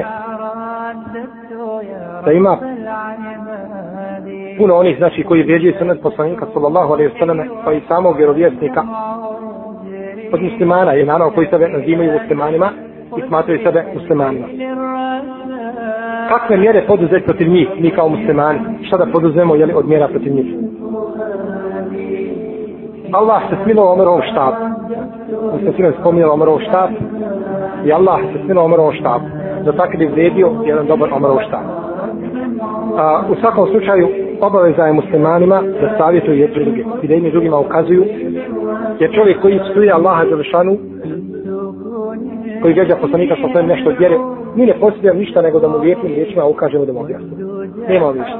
Da mi imamo šarijatsku državu, mi sa takvim dukcije se obračunavamo da tako bi bila kazna ubistva. Međutim, nemamo šarijetske države, nema hakima na sudu, a nije ispravno i nije od hikma, da čovjek ima pravo da se on lično obračunava s tim ljudima. Onda će nastupiti nered i smuta na zemlji. Onda bi sam malo obračunao pa vidio, jedan ubija jednog, drugi reže drugom ruku, treće objesio, treće, tamo onaj onoga prepolio negdje, raskoma doga i tako dalje. A, a sve pod prizmom, jeli, da izvršava šarijetku, kada šarijetku kazna izvršava, izvršava isključivo hakim, vladar ili onaj koga opunomoći vladar kao sudija i kadija i tako dalje, oni izvršavaju jer samo šest bitan. Tako nama je znači ova obaveza međusobnog savjetovanja, odpomaganja, da jednim drugima bojima dok Pa to je da musliman kada ružno postupi, ružno kaže u sunet poslanika sa ostalim, Allah Žešanu uputio. Jer možda smo nekada i sami bili takvi, možda ako nismo vijeđali, otvoreno možda jesmo u svojim dušama i tako dalje, pa je Allah Žešanu svojim milostama ukazao, pa da su činjeli šala od onih koji bar vole sunet poslanika, ovaj, u svakom slučaju znači čovjek će savjetovati takvog, e, takvog jeli, e,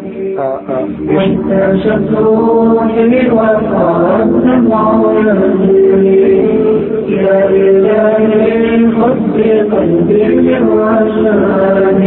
a, للهدى والحق وفقني إلهي فعلى توفيقك اليوم اعتمد Koliko dugo živio Ebu Hurere sa poslanikom e, sallallahu alaihi wa sallam? Živio je pet godina, pet godina, šeste izviške godine je primio islam, a umro je, umro je, stvari, jeli, do, do poslanikove smrti, to je sa 11. početkom 11. godine, znači živio je 5 godina. Yes. Ali je dovom poslanika sa osrem prenio najveći broj hadisa. Dovom poslanika sa osrem je dovio za njega poslanik i najviše je bio uz poslanika, zato što ga ništa drugo nije zanimalo. I ovo drugo nije zanimalo. A sad koji je najviše hadisa prenio, ali braćo mi ne znamo njegov pravo ime. Ne zna se njegov. Islam sljučan se razjedno se na više od 20 mišljenja kako ime Buhure. Ne zna njegov pravo ime ali je poznat kao Ebu Horeire, to nam je dovoljno. Zato oni koji hoće da dignu sunet poslanika kaže Ebu Horeire, kaže to je mit, to je izmišljena ličnost, to nije nikada postao.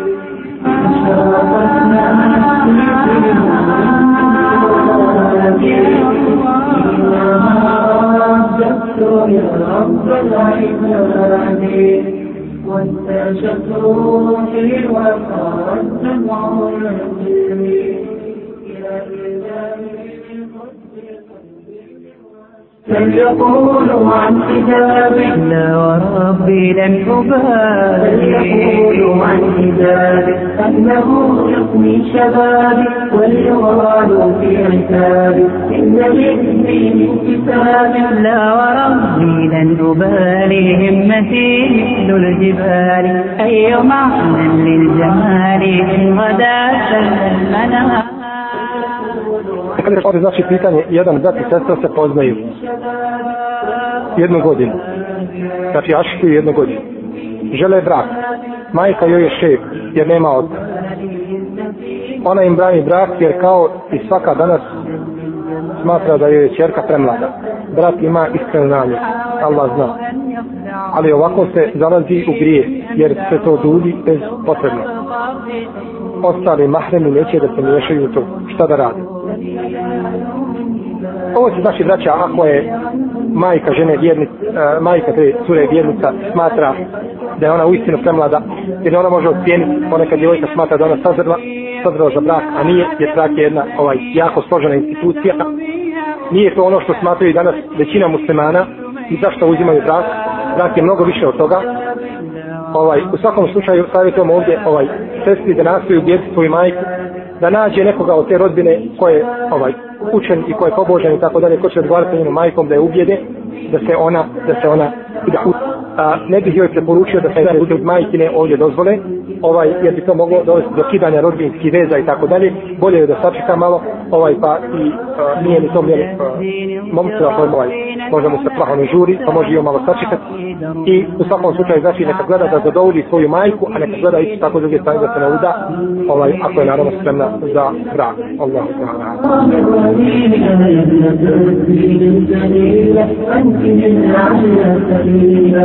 تجاري باحتشامي أكرم الآن احترام سوف أمضي للأمام لا أبالي بالملام يقول عن كتابي لا وربي لن أبالي يقول عن كتابي أنه يثني شبابي والجمال في عتابي إن من كتابي لا وربي لن أبالي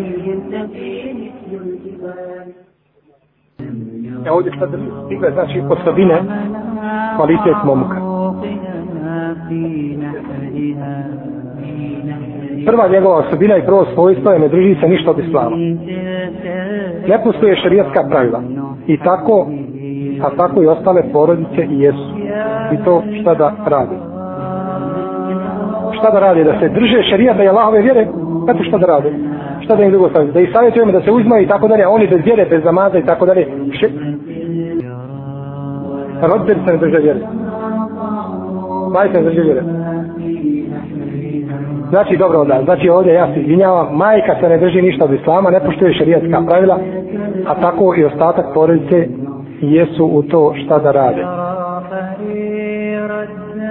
A ako se majka ne drži ovaj e, šarijatski pravila, ne mora značiti da je, da je čerpi u tom slučaju dozvojen da kida rodinske veze a ovim postupom to mogla učiniti. Neka nastoji da ubijedi svoju majku, u svakom slučaju majku je lakše ubijediti nego oca. I smatram da se može ovaj lijepim postupima, lijepom riječu, da stihatima i tako dalje, da se ovo stanje može, može popraviti. A ako ne, onda neka sestra osabura, neka osabura jedno vrijeme, neka nastoji da ubijedi majku, a pa pa ako ne uspije ni tada, onda ovaj onda bi joj za lahovu pomoć bilo dozirano da se uda. Ali prvo treba nastaviti znači, da, da dovodi svoju majku i da njoj ne čini nepokornost. كان مني في الزمان الأول يا من يرى يا من يرى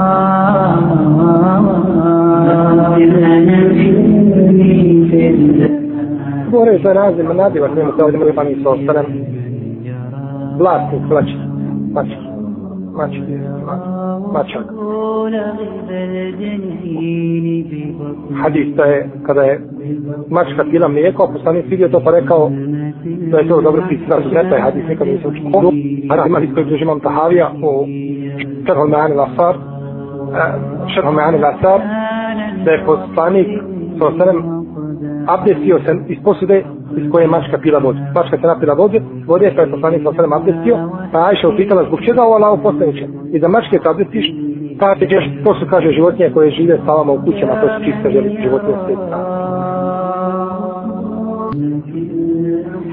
Ovdje pitanje glavi, šta je to stidno mjesto žene i šta ona smije otkriti svojim sredstvom? Stidno mjesto žene pred svojim sestama muslimankama jesu mjesta gdje se nose nakit ili mjesta abdesta. Znači žena pred svojim sestama muslimankom smije otkriti kosu, vrat, čurum, lakata ili nešto iznad toga prema ramenu nekde ta svoje potkoljenice To je ono što smije znači otkriti ovaj, a, a, no čak znači jedan srednji dio ispod vrata kada ga otkriva isto tako ne smeta, jer, jer ovaj je za tome znači tako da nije ispravno mišljenje koje se navodi da je avret žene sa drugom ženom od koljena do pupka. To mišljenje nema nikakvog doka. To, to je mišljenje vidi za ljude, da vidi za žene nikako. Za žene se vidi ovaj da se da otkrivaju znači svoje odjelove ovaj svoje ovaj svoje ruka Allah žena kada govori kaže voli bine zine te hum i neka otkrivaju ukrase svoje osim pred kim pred kim ukrasi što su ukrasi ukrasi što treba se ukrasi a ne da se to ukrasi na jer na drugim dijelovima tijela tako da ne treba znači otkrivati osim mjesta obvesten mjesta ukrasa ono što smo objasnili od kaže može možeš li nam navesti neki dokaz ili petvu da li je haram ili haram raditi medicinski alo za infekciju kože kada se vadi krv i stuči. U svakom slučaju medicinski alkohol korištenje alkohola ovaj, u medicini, alkohol čisti, ovaj, nije dozvoljeno koristiti ovaj, za, kao lijek. Nije dozvoljeno koristiti kao lijek, jer poslanik sa kaže kada je pitan, u hadijskog bilježi imam muslim, kada je pitan o alkoholu, za lijek, kaže on nije lijek, on je bolest. Alkohol je, alkohol je bolest. Tako da ovaj e, čovjek treba izbjegati alkohol, međutim ne znam tačno sastav pravog medicinskog alkohola, to bi se moralo ispitati pa da bi se o tome mogu znači preciznija petva u medicinskom alkoholu. Ali alkohol kao alkohol, ono što se danas pravi što se koristi alkoholom i što se pije, to nije isto standardski ovaj nije isto koristi za lijek. Osim u dva slučaja, koga su postavili islamski učinjaci, pa tih u dva slučaja dozove koristi alkohol. Prvo, dozove alkohol kada čovjek nema drugog lijeka. Nema drugog lijeka, ovaj, ne može znači te, ničim drugim izliječiti i kada je siguran i kada je siguran da će mu to pomoći. Ne da slovo ba, ne siguran da će mu to pomoći, to će znači da postavlja da je alkohol tad dozvoljeno da skoristi kao lijek, jer je lijek, a, jer je alkohol stvari bolest, kako kaže. Mora bi u svakom slučaju, znači mora bi, ovaj, mora bi saznati pravu alkohol, da li se može koristiti, neće mora bi saznati pravu, pravi sastoj tog alkohola pa ako on dezinfekcijeno sredstvo, ali nazvan alkoholom nas ne zanimaju imena. Imena smo mi dali, kako smo ih dali možemo i promijeniti. To nas ne zanima. Nas zanima kakav je sastav je li toga alkohola. A, brate, postoje pitanje da li može žena klanjati u svojoj kući sa svojim mužem bez čarapa. Da li može klanjati bez čarapa.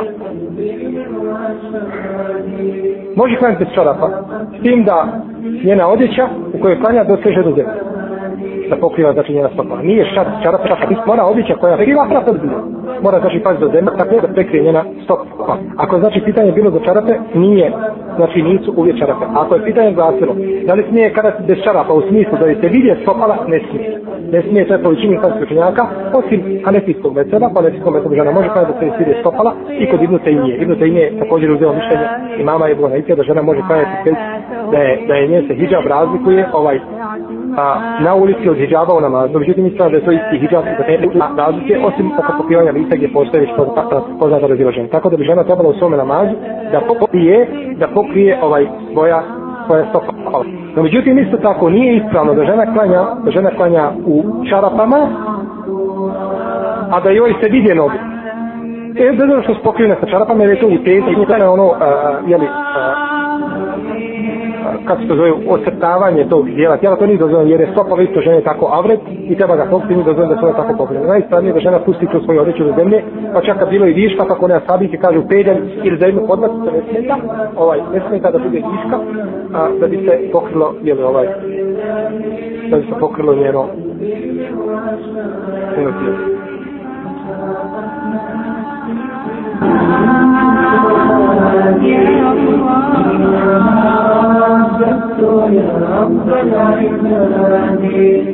وانت شكر روحي وصارت دمع يهدي يا عيد يا هدية ربنا الخلاق أنت الذي تبعث فينا نشوة المشتاق يا عيد يا هدية ربنا الخلاق أنت الذي تبعث فينا نشوة المشتاق يا عيد يا هدية ربنا الخلاق أنت الذي تبعث فينا نشوة المشتاق يا عيد يا هدية ربنا من الأنذار أنت الذي تبعث فينا نسوة المشتاق بالله والعباد Ovdje kaže da li postoje ruknovi da se čovjek, da se čovjek oženi jer da se može ženiti drugi put kada ima ženu.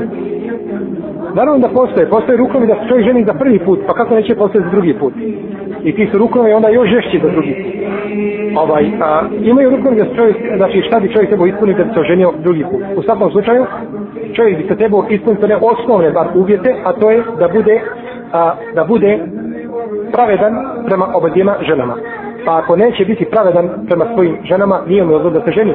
Jer kaže poslanik sa osanem, da će doći čovjek ovaj, a, a, na sudnji dan koji bude imao dvije žene, a bude nepravedan prema njima, iskrenjeni usta i ramena i tako dalje. Doći, znači, kriv na sudnji dan jer je bio nepravedan prema njima, prema njima na dunjaluku. Znači mora biti pravedan, mora imati materijalnu korist, mora imati fizičku korist psihičku koj, a, oprosti, sposobnost, jel, materijalnu psihičku sposobnost da se može ženiti, neće znači ovaj, a, ženama jedna pravda činiti i mora svoju ženu obezbijediti ono što žena mora imati. Mora joj najmanje obezbijediti jednu sobu. Jednu sobu najmanje ono što ženi mora obezbijediti, ovaj, ima pravo, jel, da se pa žena, žena pa je sami sa pa tako njegovih žena imala po malu sobicu, po jednu malu sobicu. Znači to je ono što je dužan da obezbedi svoje ženi. Naravno da je može izdržavati ono što da treba od hrane, pića, odjevanja i tako dalje. Kad ispuni sve te uvjete, onda se može, može se slobodno onda oženiti po drugi. Dobro, znači pitanje, a, brat postavlja pitanje, neće spomnjeti koje, da li prva žena, da li prva žena mora biti saglasna da li mora nje pitati za dozvolu da se oženi? Ili da li jedna žena mora znati kada čovjek ženi drugu ženu? A ne mora, ne mora znati, nije uvijek da prva, da prva ili druga ili treća, ne bitno koja žena zna za onu ženu koji, koju čovjek ženi. Nije uvijek, ne mora o njej kazati. Ne mora je kazati da je ženi, jer to je njegov hak i njegov pravo on ima pravo na to, to mu je Allah dozvolio i ne mora čovjek svoje žene pitati da li će otići svoj metak uložiti na lahom putu za sve. Što je njegovo ima na to, ima na to znači potpuno, ima na to potpuno pravo. A? Ima znači na to potpuno pravo možete, no međutim braću, mudar je čovjek, mudar je čovjek koji stvari dovede, a postoji stvari na svojem mjestu. Nije ispravno da čovjek zbog jednog bravka da raspiri drugi bravka zaštite, zbog toga mu djeta ostaje strote i tako dalje, kaže, to je meni, Allah dozvolio to meni, vlah, pa ako hoće neka ide. Ja, nije islam, to nije islam. Nego islam da čovjek pripremi svoju ženu i tako dalje, ovaj, a, a, da je pripremi da znači, se da staje čin i onda nakon toga je da se oživi. I bilo bi od dobročinjstva tog prema ženi, bilo bi lijepo da čovjek pripremi ženu, da to ne bi bio njej na udar i da je trebio udar i šok. Ovdje sestra kaže, žene koje su srednjih srednjih godina koje, nos, koje nikad nisu nosile nikabe, a koje su vjernice i koje su same, koje moju da rade, čemu da se nadaju? To je zakon Niko nije rekao braću da je nikab uvjet islama i odlaska u džennet. Kako čemu da se nadaju? Nadam se Allahove milosti, inša Allahu Teala. Pa takva sredstva koja je u takvom stanju, na njoj je da, da, da, da, da je omogući da stavi nikab oko nikama koja se razilaženim islamskim pravnicima, poznata razilaženja, to pojemo u cijem se petrne večeri, spomnio smo to, razilaženja, ima, znači, e, broj islamski učenjaka kaže da je to sunet, drugi ga smatraju vađivom, u svakom slučaju to nije pitanje kod koga se složi da je to obavezno i da je farz. Međutim, tako se sve neka se nadam na vlasti i neka moli Allah da je omogući da stavi i ne stavi nikavi, neka ne gubi minuti svoje nadvaršame. Neka يا بيت القدس لنا أمل يستعود القدس لأمتنا ونطهر ساحتك العذراء وننشر فوقك رايتنا القدس تنادينا القدس تنادينا Ovdje pitanje, od kada je muško djete dužno posti mjesec Ramazan, od koje godine je starost? Pa dobro ima ovaj uh, kontakt između jesam li bila jasna ili da je to drugačije formunišeno, ali sada nam mi se pitali fanetijskog metoda, znači mogu klanjati bosa Opet neka druga pitanja. Uglavnom, kada muško djete duža posti, duža posti kada napuni svoje puno mjesto. Kada napuni svoje puno mjesto, duža posti. Čovjek po puno mjesto jeste od prve evolucije. Je i od tada je duža posljedno. Međutim, od hikmeta je da se djete poučava postu. Kaže, odhadi kako bileži, i nemoj samo dio. Kaže, mi smo svoje, svoje djete poučavali postu i kaže, donose bi im lutke od vune u džamiju. I u džamiji bi bili i kaže, te bi lutke dali da se igraju dok ne bude vrijeme i stane. A drugo je sada je snaudi da bi im kamenja stavljali u posljedno da se oni baraju da bi, da bi ovaj... Ovaj a, da će, jeli, da će iftariti. I navodi se u, kod Buharije da je čovjek došao i da nije postao da ono pa je Omer naredio da se dičuje i da se proteva u šan. Kaže, teško ti se naša djeca poste, a ti ne postiš. Znači, ispravljeno da čovjek privikava svoje djete na post od mali nogu kao i na druge i na druge i bane. Je li dozvoljeno ženi ići na mezarje? Je li dozvoljeno ženi ići na mezarje? Spore se istan slučaj sa tog pitanja. Oni koji kažu da je nije dozvoljeno uzmeju hadis, a kome poslanik ka, kaže لعن الله زوارات القبور الله جل شانه يتوقعه žene koje puno posjećuju kablove. Uđite mi da žene moći posjeći kablove, ovo se odnosi na žene koje puno posjećuju kablove ili na žene koje ovaj, pravije kod kablova naristanja i onoga što je zabranjeno. Jer se prenosi kod imama Hakima u njegovom sredžetu, u njegovom sredžetu, u njegovom teku,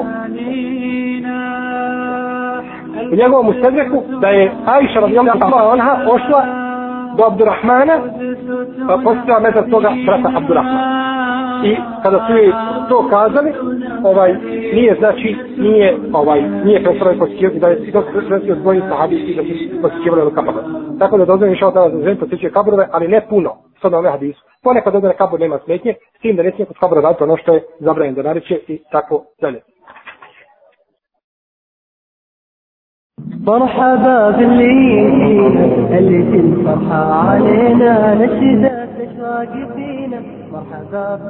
Ovdje kaže pitanje, ako su brati sestra u različitoj državi, ali blizu, a namiravaju se uzeti, inša Allah, gdje bi bilo najbolje obaviti vjenčanje, u njenoj ili njegovoj državi, jer ako se obavi u njegovoj, onda bi ona sutna kvalita bez mahrema. I zada nam ovdje nije tla, puno koji.